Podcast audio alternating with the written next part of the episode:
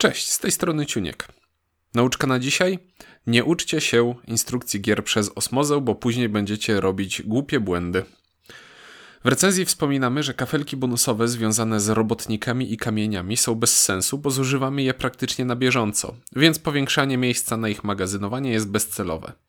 Gracze mogą posiadać dowolną liczbę robotników i kamieni, a ograniczenie narzuciliśmy sobie sami, ponieważ w instrukcji te kafelki bonusowe określone są jako storage space, czyli tak samo jak te określające liczbę przechowywanych żetonów. Na dokładkę przeoczyłem też kilkukrotnie powtórzoną zasadę, że rozwijanie tej części planszy gracza wpływa na liczbę uzyskiwanych kamieni lub robotników w ramach jednej akcji. W ten oto sposób odszczekuję jeden ze swoich zarzutów zawartych w recenzji i cieszę się, że gra zrobiła się lepsza. Mam nadzieję, że więcej się to już nie powtórzy. E, to znaczy popełnianie błędów, a nie granie w dobre gry.